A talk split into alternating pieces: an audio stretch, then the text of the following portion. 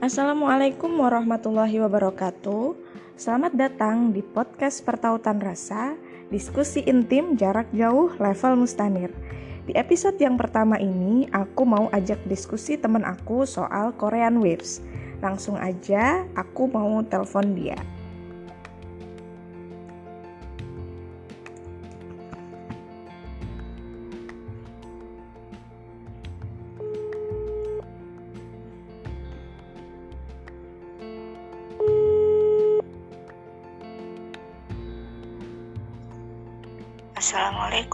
Waalaikumsalam. Apa kabar Rina? Alhamdulillah baik mbak. Alhamdulillah. Bagaimana? Alhamdulillah aku juga baik. Lagi puasa? Lagi puasa? Alhamdulillah puasa. Alhamdulillah. Alhamdulillah. Eh, iya nih, eh, Rina. Ya, Eh, gimana? eh, ini nih eh, kita kan hari ini mau bahas soal Korean Waves. Nah, kita mau kenalan dulu nih, Rina ini siapa sih? apakah apakah eh, mumpuni buat ngomongin soal Korea Korea? mbak kalau sekarang suaraku aman nggak ya? Aman aman. Oke. ya siapa saya ya? ya. Ya eh, halo teman-teman. Perkenalkan nama saya Rina. Ya Rina Andita Deviningrum eh, seringnya dipanggil Rina atau Rain. Ya, apakah saya kemudian eh, bermumpuni gitu ya untuk menyampaikan eh, masalah K-pop? Ya, karena saya salah satu orang yang eh, pernah tenggelam gitu ya. Mungkin nanti Pernah tenggelam ya Allah. pernah tenggelam ya seperti bukunya Bang Fuad ya. Eh, ini nggak promo ya. Promo nggak apa-apa sih.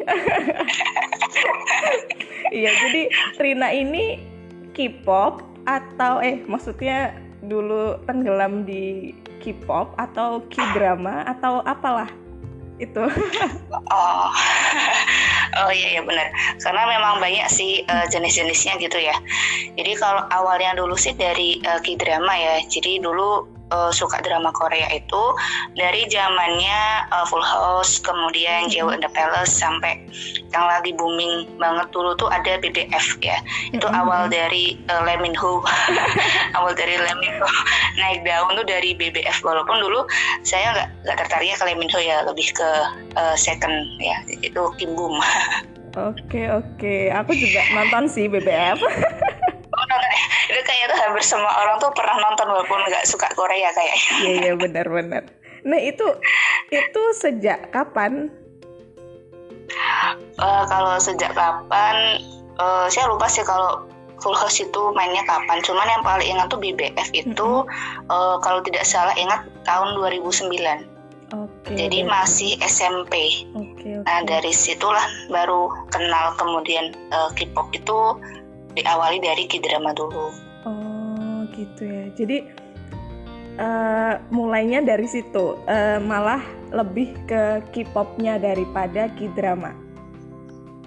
Eh, awalnya dari K-drama dulu, Mhm. tapi kemudian setelah kenal K-pop jadi lebih ke K-pop gitu. Oh gitu. Oke oke. Terus kok maksudnya zaman SMP gitu loh, udah udah kenal itu aku aja gitu. apa aku kah, apakah aku yang cupu atau gimana ya? itu apa sih yang kok bisa jadi eh, apa namanya seorang K-popers gitu yang men-trigger gitu kak? Oke, jadi eh, awalnya kalau K-drama itu kan eh, ini boleh nyebut merek televisi nggak sih? boleh boleh kayaknya nggak apa-apa. boleh. Ya, pasti kan eh, anak-anak eh, zaman dulu ya, wah ini zaman dulu kayak kayak saya tuh umur berapa ya? Jadi ya bisa dibilang eh, saya itu angkatan eh, generasi kedua gitu ya. Jadi dulu tuh di Indosiar ya. Itu Mhm. banyak banget kan. Maksudnya sering sekali menayangkan eh, drama Korea gitu. Itu dulu eh, awalnya nontonnya dari situ. Kemudian kalau untuk lagu itu memang suka sama soundtrack soundtracknya itu ya. Jadi eh, original soundtracknya itu kan eh, bagus ya. Apalagi saya tuh suka kalau yang genrenya tuh yang melo gitu. Cuman kemudian eh, gimana bisa ke trigger sampai ke K-pop. Jadi ini luar biasanya uh, jadi anak zaman dulu tuh uh, zaman saya ya uh, berarti saya tuh SMP tuh ya 2000 2008 tapi baru kenal K-drama 2009 kenal K-popnya itu kalau nggak salah akhir 2010 jadi dulu tuh kita tuh udah punya HP ya. Jadi udah uh, punya handphone. Dan uh, dulu teman sebangku saya itu uh, hampir setiap hari.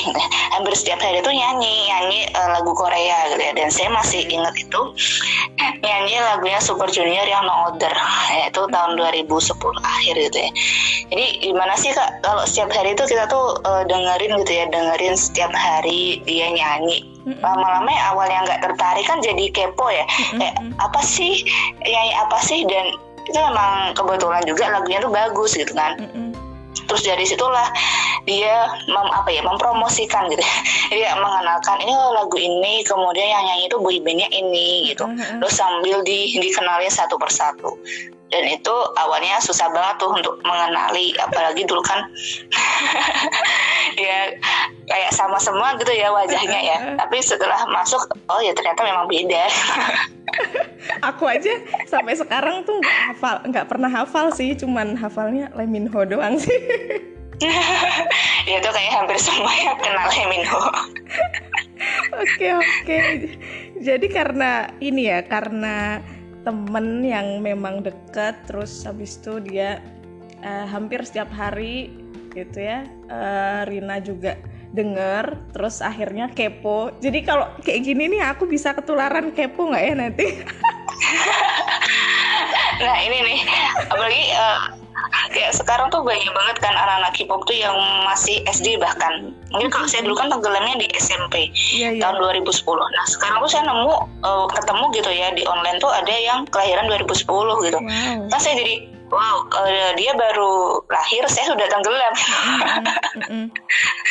itu uh, luar biasa. Karena memang uh, dari tontonan sih tontonan kan. Kayak Uh, pernah uh, saya tuh pernah uh, dengar gini ya kalimat seperti ini. Jadi uh, siapa kita itu adalah uh, apa yang kita lihat, apa yang kita dengar dan apa yang kita baca gitu. Mm-hmm. Kalau misalnya kita setiap hari dengernya K-pop, kemudian nontonnya K-drama kan bacanya juga ini kalau dalam anak-anak K-pop tuh ada yang namanya uh, fanfiction nggak? Jadi uh, fan, kayak, fan apa?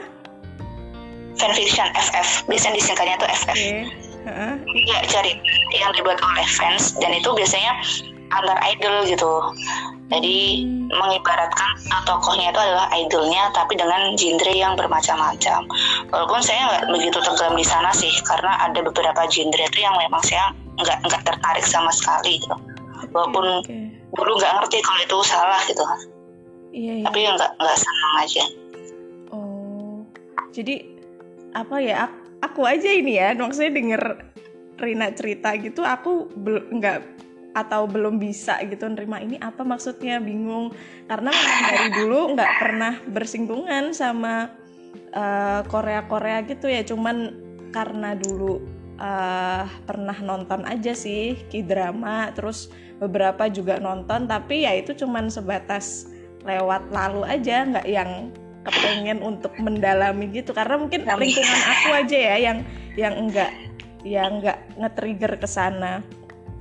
Iya benar-benar karena lingkungan juga pengaruh sih karena dulu tuh nggak cuma teman sebangku tapi ya teman sekelas lain kelas tuh banyak yang K-popers gitu kan mm-hmm. bahkan sampai ada temanku sekelas tuh sampai nonton konsernya mm-hmm. itu tahun 2011 wow. bayangin aja tuh anak SMP zaman segitu uh-huh. tuh paling tuh uh, kalau uang saku tuh berapa gitu ya. Dan dulu saya uh, termasuk yang pengen kan? banget. Tiketnya berapa sih? Oh tik tiketnya uh, kalau yang paling murah ya kalau nggak salah tuh lima ratus ribu. Wow. Itu tribun tuh. Hmm. Ibaratnya kalau nonton di stadion tuh yang paling ujung gitu ya. Hmm. Paling ya kelihatannya deketnya yang uh, lihatnya dari layar gitu. Tapi sebenarnya fenomena ini nggak cuman Korean Waves aja sih ya. Maksudnya dalam hal apa pun ya mengidolakan orang itu atau seorang apa namanya figur itu pasti ada ya. Jadi ini iya ada. Bahkan di Indonesia pun ada gitu kan. Ini karena aku telepon Rina aja jadi bahasnya Korean Waves gitu. Iya ya ini kalau bahasnya yang barat saya juga nggak paham kak. Iya, Oke, okay. uh, eh, terus nih kan tadi berarti yang men-trigger itu adalah lingkungan teman gitu ya teman dekat terus uh, seberapa jauh sih dulu Rina itu ngefans gitu ya? Terus uh, ngefansnya tuh sama siapa? Dan uh, berdampak nggak sih ke kehidupan Rina? Oh ya, jadi uh, dulu awal awalnya itu kalau K-pop tuh sukanya sama uh, Super Junior. Kayaknya nih hampir semua. Iya tahu kan ya Super Junior. Ya minimal tahu Siwon lah ya. Iya lah kalau Siwon. yang yang ada iklannya iklan mie. karena di TV aja ya. Iya karena di TV. ya jadi dulu tuh awalnya dari itu karena teman saya nyanyinya lagu No Other itu kan mm-hmm. kemudian jadi uh, cari tahu uh, siapa itu Super Junior kayak gitu. Mm-hmm. terus jadi dulu tuh uh, kalau uh, gini kak. Jadi kalau anak-anak K-pop itu kan uh, ketika dia ngefans kemudian dia tuh punya bias. Bias tuh mm-hmm. uh, idol gitu. Jadi mm, bias. itu ya. Bias. Iya jadi uh, setiap grup itu pasti ada satu aja satu orang yang uh, lebih disukai gitu daripada member-member yang lain kayak mm-hmm. gitu Nah, termasuk saya dulu tuh uh, suka Super Junior dengan ngebiasnya tuh uh, Rewok gitu kan. Hmm, Dan okay. itu dulu bukan dari lihat uh, wajahnya gitu kan, hmm. tapi dari suaranya dulu. Jadi kayak dengerin karena kan da awalnya dari dengerin lagu. Hmm. Kemudian tuh tertarik, oh ini suaranya siapa ya? Kemudian saya tanya kan ke teman saya, kemudian oh ini uh, Rewok kemudian saya mencari tahu tuh uh, siapa itu Rewok nah kemudian apakah hanya uh, Super Junior Uh, enggak sih, jadi dulu tuh ya nih kalau anak-anak K-pop zaman dulu tuh ada namanya uh, fanware juga sih, tapi ini mm-hmm. mungkin gak terlalu uh, dibahas ya. Jadi mm-hmm. kayak dulu tuh ada yang namanya uh, fandom dan multi fandom. Mm-hmm. Jadi one fandom dan multi fandom. Mm-hmm. Kalau one fandom tuh ya cuma satu aja suka ya misalnya kayak Super Junior berarti fandomnya kan Elf gitu ya. Mm-hmm. Nama Tahu untuk nih Elfnya. nah kalau multi fandom tuh lebih dari satu gitu. Mm-hmm saya termasuk yang uh, uh, juga menyukai uh, boy group lain gitu ya. Walaupun memang tidak semendalam Super Junior karena memang Super Junior ini tuh yang paling membekas gitu guys. Hmm. paling membekas ya karena kan uh, first gitu ya pertama. Terus saya juga uh, sempat tertarik dengan ada uh, CN Blue gitu ya. Uh, CN Blue tuh tapi lebih ke itu sih kayak band sih band grup gitu. Karena main alat musik nggak nggak yang nari gitu. Hmm, hmm, nggak yang ngedance. Kemudian dulu ada juga yang namanya uh, boyfriend tapi sekarang udah nggak aktif sih. Ada uh, apa lagi ya? Banyak sih ya kayak EXO gitu kan. Mm -hmm. kemudian uh, BTS, BTS bahkan dulu saya sudah mulai ya BTS dan kalau ditanya seberapa jauhnya itu jadi tidak hanya sekedar mendengarkan ya, tidak hanya sekedar mendengarkan lagu mereka, tapi tuh sampai beli apa sih merchandise nih. Mm-hmm. Jadi kayak beli barang-barangnya tentang mereka. Dulu kalau majalah tuh ya ada majalah gaul ya, ini majalah yang udah lama banget. Dan itu kan terkenal banget untuk majalahnya anak-anak K-pop ya. Iya, iya, iya. Jadi dari posternya dulu sampai oh ya kamar tuh isinya poster semua tuh ditempelin. Kemudian uh, eh, SM sampai SMK tuh nggak hanya sekedar ditempel tapi sampai saya jadikan sampul buku. Wow, terus gurunya gimana tuh? Nah, itu saya saya tuh baru kepikirannya sekarang dulu guru saya berpikiran apa ya ketika melihat sampul buku saya tuh uh, poster gitu. Bahkan ketika ujian nasional itu ketika 2011 uh, saya kelas 9 SMP itu saya uh, bawa poster jadi ujian kemudian ada poster di papan ujian saya gitu. Hmm. masih inget banget tuh uh, dulu posternya order tuh. Dan parahnya ketika SMK itu justru beli uh, papan ujian tapi gambarnya uh, rewok gitu. Hmm. jadi dari papan ujian kemudian ballpoint kemudian menggaris itu terus sampai kayak gitu. Biar seolah-olah disemangatin gitu ya Oke baik baik. Kayak beli baju juga kan kaos itu kan karena itu kan uh, ya belum berijab syari ya. Jadi di kaos kemudian jaket mm-hmm. kemudian tas kan ketika beli tas itu karena masih sekolah ya kak ya kan mm-hmm. belum kerja kan mm-hmm. di mana masih ngandelin uang sakukan dari orang tua mm-hmm. itu sampai uh, apa ya minta ke orang tua tuh dengan syarat harus ranking satu gitu. jadi oke okay, dia beliin tas super junior tapi uh, ranking satu dan saat itu nggak nggak dapet ranking satu cuma ranking dua dan uh, tetap di, dibeliin gitu kan karena uh, lumayan sih kalau menurut saya di zaman segitu tuh uh, dengan angka ya 200 ribuan itu kan uh, lumayan ya mm-hmm. untuk anak-anak sekolah gitu. Iya iya. Jadi ya itulah uh, tenggelam ya saya bilang memang tenggelam cuman uh, belum sampai yang bisa nonton konser gitu. oh, berarti belum pernah nonton konsernya Rina. Belum karena dulu benar-benar nggak boleh dilarang gitu kan. Okay, karena kan okay. khawatir ya apalagi -huh. kan nggak pernah ke Jakarta sendiri itu yeah, kan. Iya iya. Pasti kan orang tua khawatir yang situ. Okay, jadi ini seberapa apa namanya dalam impact ke kehidupan itu tadi ya beli beli merchandise pernak pernik terus ya sampai gitu ke mana-mana harus kayaknya. Ada ada iya, si kayak bangga gitu loh kalau ya, misalnya ya, si iya kalau misalnya kita pakai sesuatu tuh kayak bangga ketika orang tahu orang lain tuh tahu oh ini tuh uh, Elf ya oh ini tuh fansnya ini ya. Ini kayak ada kebanggaan sendiri. Oke oke. Okay. terus kalau kayak gitu nih uh, berarti kan Rina kan ke mana-mana kayak bawa identitas gitu ya kalau Rina itu adalah uh, bias dari uh, Suj eh siapa tadi Reebok gitu ya uh, iya fansnya Reebok uh, terus itu uh, Rina berarti ngajak-ngajak temen lain gak sih buat uh, ikutan seneng K-pop atau seneng sama Suju? Iya iya. Jadi uh, kalau dibilang apakah iya iya gitu karena uh, dulu tuh justru apa ya uh, jadi pelopor gitu jadi kayak dulu ikut gathering karena kalau di Semarang sendiri itu kan dulu banyak ya kak ya acara-acara K-pop gitu kan gathering untuk anak-anak K-popers atau K-drama itu ada gitu pertemuannya dan itu berbayar. Mm-hmm. Kemudian uh, puncaknya itu ketika SMK saya tuh uh, jadi admin jadi admin sekolah. uh, oh di sekolah ada komunitasnya? Iya saya yang buat gitu. Saya sama teman saya yang kemudian buat. Pelopor. Dulu karena iya pelopor jadi mainnya Facebook kan terus jadi sampai ada elf ya terus elf nama sekolah saya gitu kan. Mm-hmm. itu benar-benar ngeracunin ke kakak kelas, ke adik kelas itu kan kayak mm-hmm. kayak bangga gitu loh. Kemudian banyak yang uh, masuk ke K-pop gitu kan kenal K-pop. Jadi kayak ayo nih lo uh, kayak yang racunin gitu, yang racunin ini lo uh, K-pop kemudian kita juga uh, nonton video bareng kayak gitu. Ada tukeran-tukeran yang MV karena kalau dulu tuh uh, anak-anak tuh lebih seringnya di download ya. Kalau sekarang kan kita streaming karena ya mm-hmm. kuotanya banyak gitu. Lah yeah, tapi kalau yeah, dulu tuh ya satu yang ngedownload kemudian di share ke yang lain kayak gitu.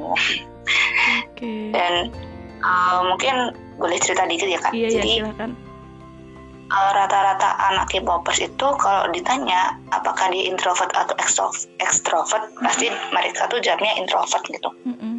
Karena ya mungkin termasuk saya ya. Karena bisa dibilang itu lebih nyaman ketika kita tuh berkomunikasi secara online dibandingkan uh, komunikasi secara offline. Jadi dulu tuh uh, banyak gitu. Saya punya banyak teman yang tidak hanya dari satu kota bahkan dari luar kota itu kan. Jadi kayak punya uh, kakak kalau dalam bahasa Korea itu ya uni ya. Mm-hmm. uni sama uh, dongsaing gitu yang mm-hmm. itu uh, luar kota. Dan kayak ngerasanya tuh ikatannya tuh deket banget gitu. Walaupun nggak pernah ketemu tapi ini ya karena satu frekuensi nih lah mm-hmm. karena merasa punya satu frekuensi jadi nyambung jadi uh, senang banget gitu kan punya uh, teman-teman yang satu kesukaan sama kita kayak gitu mm -hmm. itu yang uh, membuat kayak senang gitu loh kayak jadi K-popers tuh jadi menyenangkan karena jadi punya banyak teman mm -hmm. yang menurut saya itu juga mengerti kita gitu oke okay. uh, terus Rina dulu ini juga nggak sih? Ngedance ngedance gitu nggak sih? Uh, kalau ngedance eh, nggak uh, sampai sih. Walaupun dulu waktu SD tuh ikut ekskulnya dance gitu ya. Mm-hmm. tapi uh, alhamdulillah itu alhamdulillah banget nggak nggak nyampe gitu. Nggak okay. nyampe uh, jadi yang ikut dancer karena emang nggak pengen gitu. Cuman yang sebagai apa sih bisa dibilang penikmat gitu ya yang melihat orang lain itu untuk uh, dance dance cover. Oke, okay. ya. Uh, jadi kalau menurut Rina sendiri nih, kalau dulu ya, maksudnya memposisikan Rina dulu itu nyaman nggak sih dengan kondisi Rina yang dulu? Misalkan nih uh, hari ini Rina belum belum menjadi ex apa K-Waves ya. Rina masih berada di di lingkungan itu ngerasanya hidup Rina tuh kayak apa sih? Nyaman menikmati atau kayak ada sesuatu yang kayaknya mengganggu gitu? Ya kalau misalnya diposisikan dulu itu ya kayak nggak kepikiran gitu. Maksudnya pikirannya tuh ya hanya seneng gitu. Justru malah apa ya lebih kayak kebangga gitu loh menjadi seorang K-popers tuh. Jadi bangga kayak senang nyaman kayak menemukan uh, sesuatu yang kan kalau anak introvert itu kan uh, susah gitu ya untuk kemudian berkomunikasi dengan orang lain ya. Nah kalau di K-pop kan jadi kita disuguhkan gitu ya, disuguhkan dengan kayak MV uh, apa MV atau video klipnya mereka kemudian tuh nggak hanya itu kak jadi di K-pop tuh ada namanya selain dari K-pop uh, musik kemudian drama tuh ada juga namanya uh, variety show gitu mm-hmm. jadi kayak acara-acara yang memang lucu gitu loh yang kemudian walaupun ya tahu kan kalau misalnya anak eh, anak orang-orang Korea itu kan kalau ngomong kan ekspresif ya mm-hmm. nah itu kayak senang menemukan uh, sesuatu gitu. Apalagi untuk mengisi uh, waktu luang itu kan dihabiskan untuk itu. Jadi kalau ditanya sih uh, nyaman gitu dulu tuh lebih uh, nyaman dan kemudian bangga gitu menjadi uh, K-popers. Dan yang nggak nggak pernah berpikiran apakah ini nanti ini kan kalau sekarang tuh kan uh, mulai mempelajari ya ternyata ada sesuatu di balik sesuatu gitu kan. Mm-hmm. tapi itu dulu tuh benar-benar kayak tersihir gitu nggak nggak mikirin yang lain. Ya udah hanya senang ya udah senang aja gitu. Nggak mau mencari tahu uh, sebenarnya kayak lirik itu aja jarang saya cari terjemahannya tuh seperti apa. Hmm. Kemudian drama juga saya jarang untuk kemudian mencari ada nggak sih maksud di balik ini. Ya udah jadi kayak menikmati aja dan ya kayak tersihir itu sih.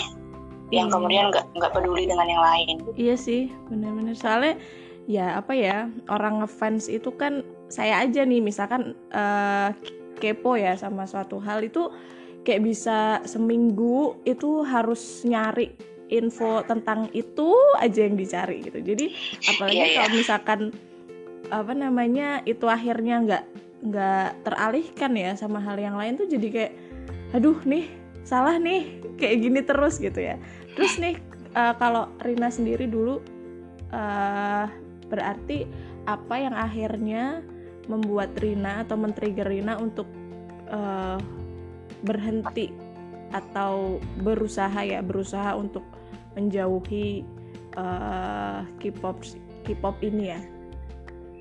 Ya. Jadi uh, awalnya itu karena nggak ada teman. ini penting banget sih memang teman lingkungan itu luar biasa memberikan uh, pengaruh ke dalam hidup kita. Jadi kan dulu uh, awalnya itu ketika mulai mulainya itu ketika kuliah ya. Mm -hmm. Kan saya masuk kuliah tuh uh, Maret 2015. Tapi 2015 tuh masih saya masih ikut yang itu apa gathering K-drama, K-drama mm -hmm. lovers itu di Semarang. Mm -hmm. Masih ada gelasnya sampai sekarang. itu tuh masih ya masih komunikasi lah sama uh, teman-teman K-pop yang lain. Kemudian uh, mulai kerja karena dulu kan saya kuliah sambil kerja ya kak ya. Mm -hmm. Terus di situ uh, waktunya tuh mulai habis gitu untuk kerja, kuliah gitu kan. Dan awalnya itu dari 2016. Jadi karena kemudian teman-teman juga sibuk ya, nggak ada teman untuk K-popan. Jadi kayak pelan-pelan itu menghilang, menghilang kayak ya udah nggak nggak se-trigger dulu nggak mah namanya nggak setertarik dulu gitu. Mm-hmm. karena sibuk udah sibuk kuliah sama uh, kerja gitu kan. Nah dari 2016 itu uh, pelan-pelan. Jadi sendiri kalau dibilang tuh saya dulu uh, apa ya belum kenal lah kalau sekarang kan banyak ya uh, ada apa XQ Wafers kan kalau dulu kan saya mm-hmm. belum kenal itu yeah, yeah. belum kenal uh, Fuad Naim juga kan Fuad Naim Sajang Lim kan belum tahu yuk ngaji bahkan jadi awalnya 2016 kemudian 2016 itu juga ya waktu wamil jadi kalau di Korea itu kan ada uh, namanya wajib militer ya Iya, iya. dan ketika para idol wamil itu kan mereka uh, vakum nggak Mm. nggak aktif di Mm-mm. dunia hiburan ya udah jadi uh, mulai nggak mencari tahu dan akhirnya di 2017 itu saya pertama kali mulai ikut kajian gitu. Mm-mm. 2017 saya mulai ikut kajian sampai saya dipertemukan dengan uh, seorang yang uh, membina gitu maksudnya berarti itu ngaji tapi rutin gitu kan Mm-mm. jadi ngaji rutin dan di situ mulai mikir eh, iya ya ngapain kemudian eh, saya tuh menghabiskan waktu di sini nah ini tapi eh, menurut saya saya dulu tuh termasuk hijrahnya yang mainstream gitu jadi Mhm. kenapa mainstream karena langsung totalitas di awal jadi kayak eh, pengen hijrah kemudian menghapus semua akun sosial media Mm-mm. jadi kalau teman-teman menemukan akun sosial media saya yang sekarang itu adalah akun yang baru semua. Jadi dulu eh, Twitter eh, terutama Twitter saya pengen sekali tenggelamkan Twitter dulu di awal. Kenapa? Karena Twitter tuh puncaknya anak K-pop gitu kan. Heeh. Jadi dulu tuh tweetnya udah sampai nggak hanya ribuan bahkan puluhan ribu, puluhan ribu itu isinya tuh cuman tentang K-pop ya tentang mentrendingkan sesuatu lah. Mm-mm. kemudian uh, followersnya juga ribuan dan dulu tuh kayak nggak ada eman gitu ya udah momen udah hapus gitu ya hapus kemudian Facebook juga dan termasuk Instagram. Walaupun dulu Instagram memang saya nggak begitu aktif ya untuk yang K-pop itu lebih ke Facebook sama ke Twitter kayak gitu. Mm-mm. jadi saya tenggelamkan semua saya nggak pengen ada jejak gitu kan maksudnya ada Mm-mm. jejak-jejak itu. Karena ya kalau isinya foto-fotonya juga Korea doang gitu Korea semua. itu eh, sendiri sih saya. Jadi dulu tuh hijrah tuh sendiri nggak nggak punya teman kan. Nah tapi ini kemudian yang berpotensi untuk eh, kembali tenggelam Oh iya, Karena- karena sendirian ya. ya ya karena sendirian kemudian eh, ini ujian juga ya Mm-mm. pandemi itu loh kak Mm-mm, mm-mm. di pandemi itu kan eh, mudah ya untuk kemudian kita tuh mengakses karena kan ada waktu luang kita nggak keluar kan Mm-mm. jadi untuk scroll scroll media sosial tuh mulai lagi nah Mm-mm. itu hampir tuh hampir eh, mau tenggelam walaupun udah ngaji ya mestinya tuh udah maksudnya udah ngerti itu gak, gak boleh gitu kan. Cuman kemudian saya eh, berusaha untuk saya harus menyelamatkan diri saya sebelum saya tenggelam lagi. Nah akhirnya saya uh, mulailah untuk uh, gabung ke ikut kelasnya ekskulnya uh, Fuad Naim Sajanglim gitu. Karena dulu tuh menurut saya itu uh, belum butuh gitu. Karena saya berpikiran kan saya dulu uh, hijrahnya sendiri dan saya berpikiran oh bisa kok anak-anak hip-hop tuh uh, mentas gitu ya berarti itu keluar sendiri gitu kan. Mm-mm. Tapi setelah saya dalami, saya terjun di lapangan, banyak juga anak-anak sekarang yang eh, tenggelam gitu ya, anak-anak SD bahkan kan. Dan saya mulai eh, masuk eh, masuk kembali, tetapi dengan eh, apa ya atmosfer yang berbeda gitu kan. Kalau dulu kan untuk tenggelam, kalau sekarang lebih ke bersama teman-teman yang mau hijrah gitu ya yang sama-sama uh, mau ke tepian ke daratan gitu. Dan alhamdulillah ya sih dari sini kemudian justru uh, kenal sama anak-anak uh, K-popers yang hijrah, yang sudah hijrah atau yang sedang tahap berhijrah tuh kan. Mm-mm. Dan sekarang juga uh, gabung gitu, gabung ke salah satu uh, sub dari SK Waver. Gitu. Oh. Ya ini dari Elf ini. Elf itu ya.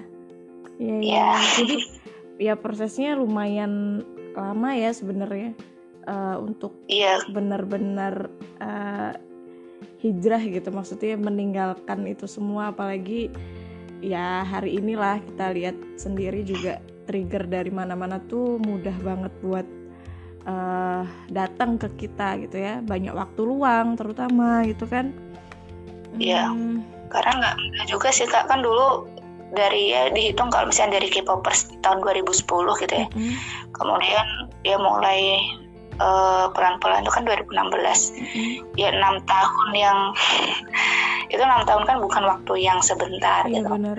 Ya, waktu yang lama banget dan itu nggak mudah. Jadi nggak mudah dan nggak bisa instan sih. Memang harus pelan-pelan.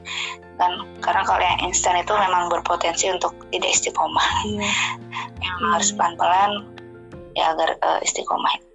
Jadi emang harus ini ya ada ibaratnya semacam support system juga ya biar ya sendirian tadi ya bener. Karena tenggelam itu karena teman gitu. Dan kita butuh ke daratan tuh juga uh, butuh Hmm. temannya. Karena uh, barang-barang kalau sendirian tuh beneran deh nggak nggak kuat gitu.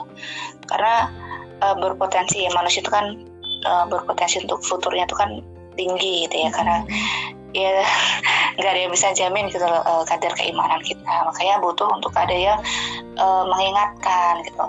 Memang benar-benar uh, butuh teman ya kayak Rasulullah saja butuh para sahabat kan butuh Abu Bakar dan uh, sahabat yang lain. Iya iya benar. Nah masa kita bisa sendirian gitu? Nggak akan bisa.